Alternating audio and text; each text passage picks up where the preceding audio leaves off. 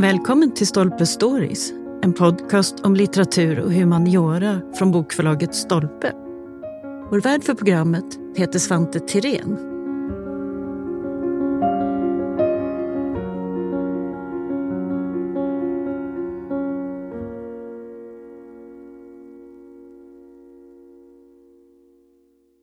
The Russian invasion of Ukraine has been ongoing for almost two years. But the roots of the war extend further back in time and connect deep historical traumas and wounds with the scenes of unimaginable destruction and human suffering that we see today. What can we in Sweden do to make a difference, and what lessons from both the past and the present do we need to learn in order to understand what is happening? Stolpe Stories are honored to have Mr. Andrij Plachotnjuk, Ukraine's ambassador to Sweden, on the podcast. A very warm welcome and thank you for joining us, Mr. Ambassador. I wanted to start by going back a little bit. The relationship between Sweden and Ukraine before the war. In your experience, how much did Swedes generally know about Ukraine and vice versa? Thank you for this generous introduction and thank you for having me. And uh, the issues that we are going to discuss are really important during this most challenging and difficult times in the history of my country. Uh, when we're talking about how much knowledge both uh, people in Ukraine and in Sweden had of each other before the war, definitely we knew many things about Sweden, and so did Swedes about Ukraine. Firstly, let me start by saying that we have had many common pages uh, in our history. Mm. We all know uh, about glorious Vikings times when they traveled down the Dnipro River to the Black Sea and the Mediterranean, the Byzantine Empire, and making trade, making connection, starting relations with foreign lands and foreign peoples. I think many in Swedes and its general knowledge uh, that Ukraine was uh, and is the second largest country in Europe in terms of its total area. Another issue that all Swedes and I think everyone in Europe knew about Ukraine long before this war started, that Ukraine was often called as breadbasket of Europe. Mm. In view of its agriculture, in view of its uh, soil, and in view of uh, its uh, agricultural potential. As for Ukrainians, uh, definitely before 24th of February last year, we had a lot of knowledge about Sweden and not only about our historical past, which goes back more than thousand years ago, and then during the Cossack times, the constitution of Philip Orlik, which is preserved here in the National Archives, the relations between the hetman Ivan Mazepa and Charles uh, XII, uh, the King of Sweden, and many other pages of our joint history. We also knew definitely about uh, Swedish inventions that changed the world. Right. You know about this famous book, which uh, was published during your presidency in the European Union. It's a very, a very unique um, book uh, with uh, so much knowledge and so many interesting facts about how Sweden contributed to the development of the world in many, many spheres. Mm. Definitely, we all knew uh, your famous musicians uh, and composers like uh, my generation and the generations before before I was born. That's that's ABBA, that's Roxette, that's uh, Europe, and and many many other important things that we all know about your good country. When it comes, I will come back to history. Mm. Many Swedes uh, know about old Swedish village oh, yes. in the territory of uh, the Kherson region, which is called Gammalsvenskby. It's a very unique village, and it's, uh, let's say, a small bridge that connects our two people, our history, and our cultural relations. Many Swedes also know and remember the, this uh, huge uh, tragedy and catastrophe, the Chernobyl catastrophe of 1986. So I think, generally speaking, I'm not talking about uh, professionals who were majoring in, uh, let's say, um, at that time, Soviet studies and then, let's say, Eastern European studies. I think general understanding was uh, pretty good about both countries. As you say, there are many connections between Ukraine and Sweden, both historically but also in the recent, probably more than people realize actually. But since the invasion started then in February last year, Swedes have certainly learned even more about Ukraine. But beyond the war, what aspects of Ukraine do you wish Swedish people knew more about? Because now, of course, all focus is on the conflict. Definitely, if we had peaceful times Mm. right now. I wish we had more of culture, more of sports, more of literature, and more of Ukrainian humanitarian nature here in Sweden. It's one of the important things which connects people, which produces more understanding of each other. But now, definitely, the top and, and uh, the most important thing and top priority is definitely the war. And uh, what is important in this sense, and it's one of the key spheres we, where we are fighting, it's fighting for truth, fighting for our culture, for saving our cultural heritage, fighting with this propaganda and uh, producing objective information about what happens in Ukraine. This is very important because uh, what we see now on the ground, we see clear activities and very deliberate actions uh, of Russia to erase everything that could tell the outside world about Ukraine, about its past, about its history, culture, cultural heritage, and its literature, whatever. Mm. Because now, obviously, the focus has to be on the war because we need to do everything we can, of course, to, to make peace and so on. But in the long term perspective, are you hopeful that Swedes, as a result of this, also will be more curious and more knowledgeable of Ukraine's extraordinarily rich history, culture, literature, and everything that's going on? I totally agree that even now uh, we managed during the war to bring artists, musicians here, which is a very a very strong message of solidarity from all Swedes, because we had ballet troops uh, and uh, concerts arranged here, so that uh, Swedes had more knowledge about Ukrainian culture, uh, Ukrainian music, and Ukrainian artists, and definitely in view of such level of support and solidarity with Ukrainians and Ukraine from all our Swedish friends, definitely the interest towards Ukraine when we face the issue of reconstruction, of uh, inviting a Swedish business to Ukraine, rebuilding Ukraine, rethinking Ukraine. Definitely, I see that there will be more and more interest. New relationships will build, of course, after this. Absolutely, Yes. absolutely. We, uh, I'm more than confident about this. That we will have not only cooperation, which will be focused on the most topical issues like uh, the support in defense, economic, humanitarian, and political sphere, but also definitely in expanding this cooperation. And when we are talking about, we're talking about literature, we are talking about artists, we are talking about television, we are talking about all this uh, creative industry. Mm, and again, the, the many links in, in between. Absolutely. Um, as you say, misinformation is just another form of violence, and it's so important to remember that the war is not only happening on the battlefield, but also in the media, in how we talk about each other, and so on. So, historical knowledge, knowledge about the past, what role does that play in all of this? Yes, it's very important. It's very important to preserve this historical knowledge because I have mentioned a couple of minutes before about this, uh, our famous document uh, about Ukrainian governance, how it should be arranged. It's called the Constitution of Pylyp Orlik, which is preserved in the National Archives. When we open new pages in this very important sphere by presenting to the public the uh, results of uh, historical research, it's absolutely very important because it's a strong instrument and strong argument in our fight against this propaganda of, of the Russian Federation. Because once again, they're doing everything to have no Ukraine in minds, no Ukraine in art, no Ukraine in literature, and so on and so forth. It's about really destroying a history in order to make story. It's today. really about destroying everything about Ukraine. Mm. And that is, again, a form of violence that we must be very mindful of. Now, the books that we have published are, of course, by Lutz Kleveman, by Karl Schlögel, and a few other writers that uh, takes up this whole connection between Ukraine's history, which really is a history of Europe, a history of so many relationships back and forth and so on. Why do you think this history has been forgotten? I mean, because these books, for a lot of people, it's a surprise to know, for instance, the connections between Ukraine and the Western Europe and so on. So why is it surprise, and how can we make this better known today in the midst of all of this? Firstly, in my opinion, the history wasn't just forgotten, it was falsified. Right. And some facts were erased, other devised, and even made up. Mm. Totally create a new reality. And uh, let me say that uh, rewriting the history of the captured territories is uh, uh, one and has always been one of the key aspects of Russia imperialist narratives. And uh, that was one of uh, important arguments to justify its aggression against Ukraine. So we have now, we understand, we know that there are numerous facts of the distortion of the Ukrainian history by Russia. And uh, we also see the facts indicating the purposeful destruction of the culture and language of Ukraine. So we can go back to history, uh, and uh, but it has always been their practice.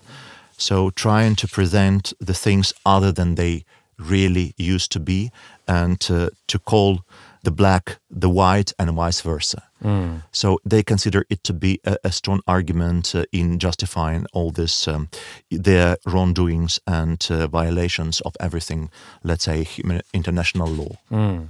So that's another long term question. I mean, as you say, it's been deeply rooted in the Russian imperialism to change history, to destroy history, to distort it.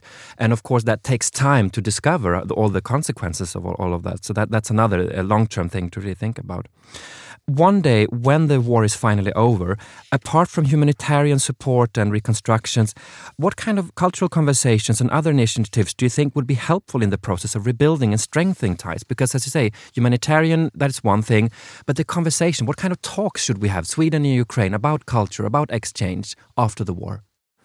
It's a very important question. And uh, when we face the post war reconstruction, definitely the cooperation in the uh, humanitarian sphere will be one of the important pillars that will be connecting and uh, our people and uh, broadening the mutual understanding between the two peoples. We can start with very simple example like cooperation between museums. Mm.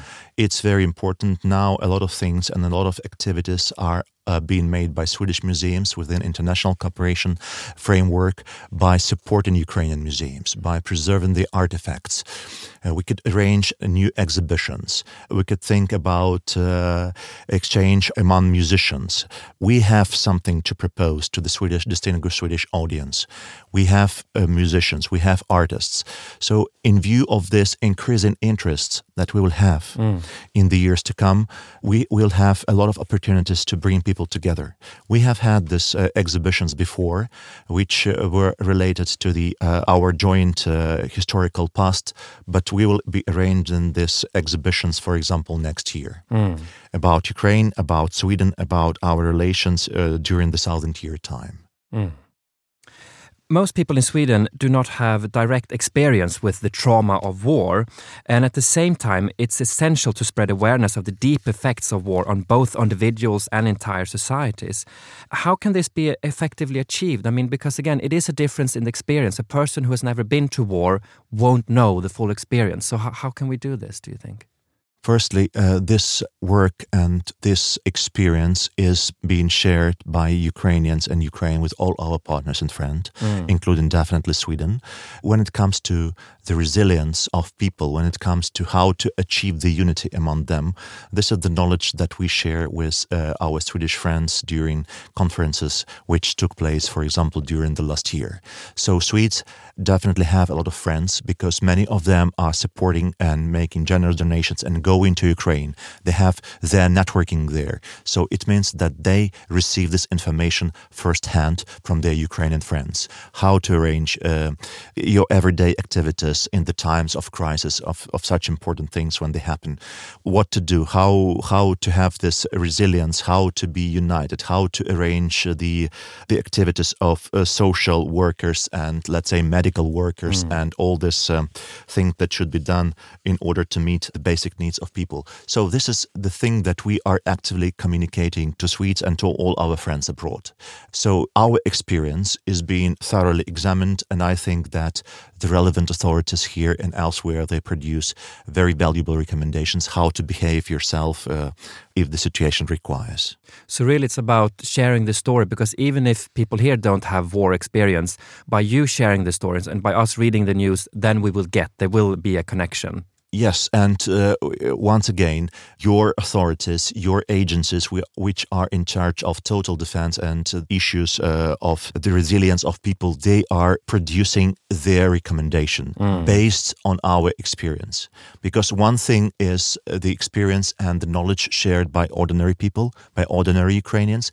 Another thing is when uh, when we have the communication and the connections at the level of the relevant authorities. Mm. So we have, I would say, two channels of communication yes. on these issues between the governments and the people. It goes really all the way from politics and, and governments and authorities down to peoples, individuals uh, talking to each other. Yes, absolutely. The war has been ongoing now for almost two years. How does one hold up in when something goes on for such a long time? Many people in Ukraine are definitely tired. Tired of this war, of these atrocities, of this pain, blood. But at the same time, we really invest a lot of resources and a lot of ideas in having this unity.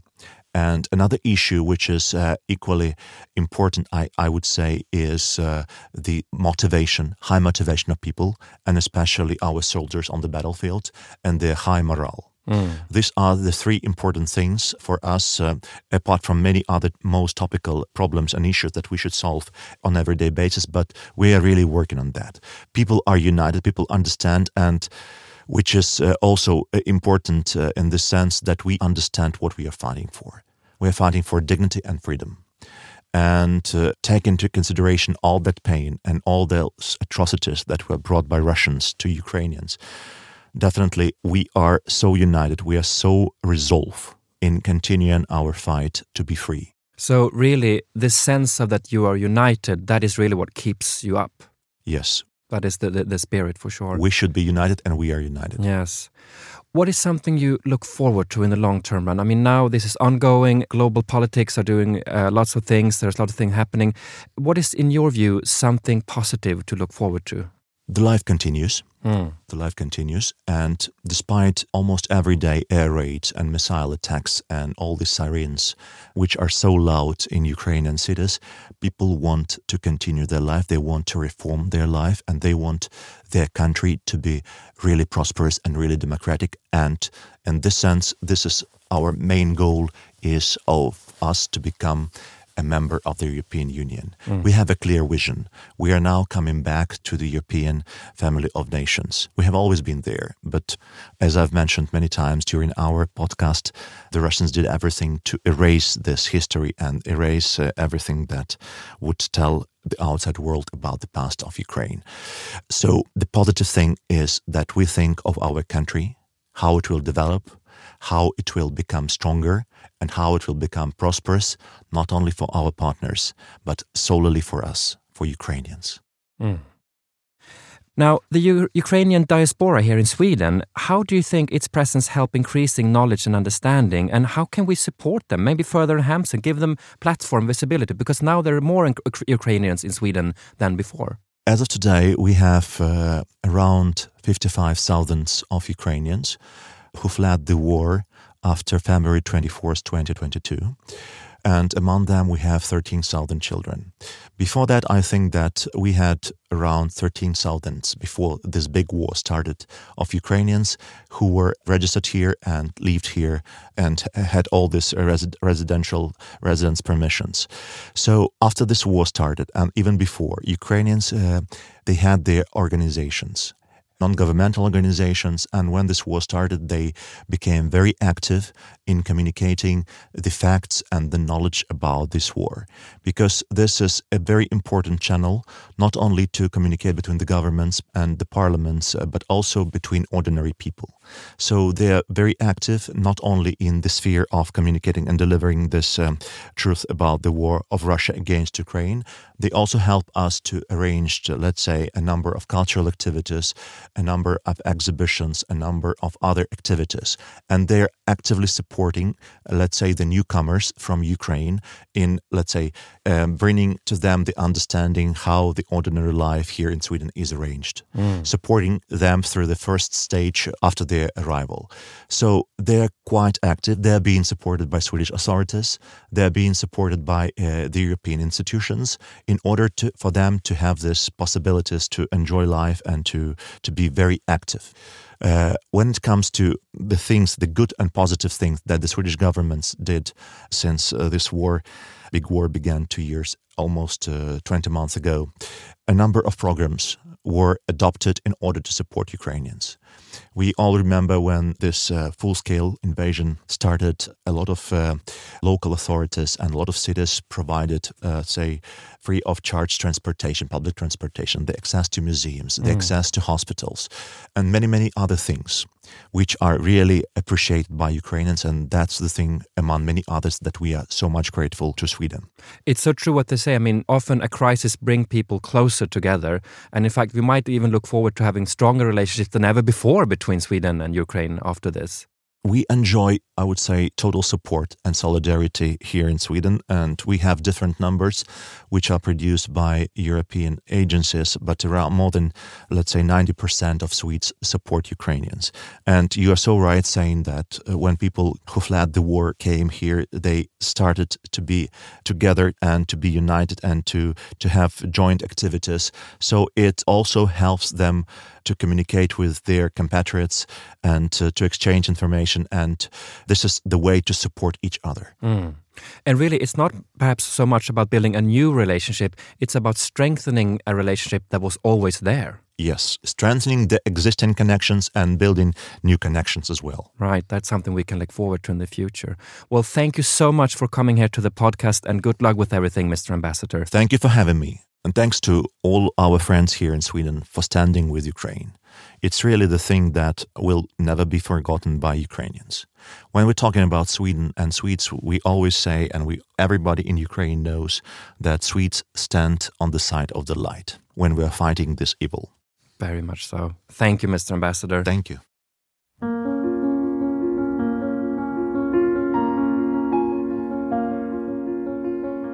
Tack för att du har lyssnat på Stolpe Stories. Missa inte att du som lyssnar har 20% rabatt på bokförlaget Stolpes titlar hos Bokus.com. Aktivera rabatten genom att ange koden STOLPE20.